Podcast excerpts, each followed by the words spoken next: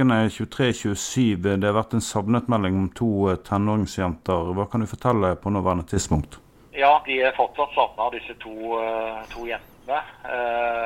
De ble jo sist observert, eller de ble meldt først savna i, i, i, i, formiddag. Da de hadde gått eller stukket fra skolen som de gikk på. Eh, etter hvert så har vi eh, innhentet en sammenmelding savnamelding og jobber parallelt med, med, den i etterforskningssporet. Men så har vi òg hatt en del operative tiltak og søk for å, for å finne jentene. Det som har skjedd nå utover kvelden, er at vi òg har kontakta Hovedredningssentralen og fått, fått kalt ut frivillige mannskaper, organiserte frivillige mannskaper, som sammen med politiet og noen frivillige, altså venner og bekjente til de to samme jentene, eh, er òg eh, i, sving. Eh, per nå så, så, er ressursene på Karmøy i området Veavågen og en skog som blir kalt for Bambiskogen, som har en viss interesse. Per nå foregår det søk der, men samtidig så kvitterer vi ut observasjoner som er blitt meldt inn til politiet, altså mulige observasjoner av de to jentene. Eh, så det er flere parallelle ting som vi, vi gjør nå, i håp om å, å, å, finne disse to jentene. Dere skriver til flere medier, eller sier til flere medier at det ikke ligger noe kriminelt bak dette. Er det noe, kan du utdype det videre?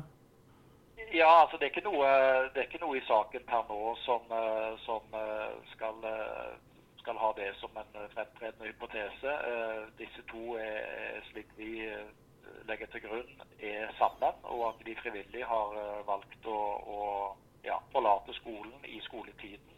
Så vi har ingen indikasjoner på at, det, at de skal bli utsatt for noe, i, i hvert fall ikke per nå. Nei, og Er alle pårørende varslet og slikt, eller?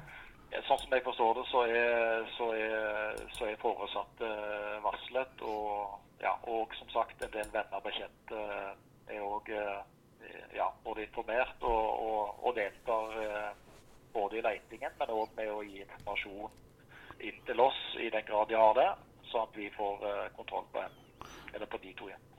Ja, Det er satt, satt i gang en stor leteaksjon. Røde Kors er involvert, og du sier det er meldt nasjonalt. Men dere har ikke gått ut med noe navn eller bilde. Er det noe dere kommer til å vurdere fremover? Eh, det er noe som vi vurderer. Eh, per nå så, så, ja, så informerer vi jo media om det.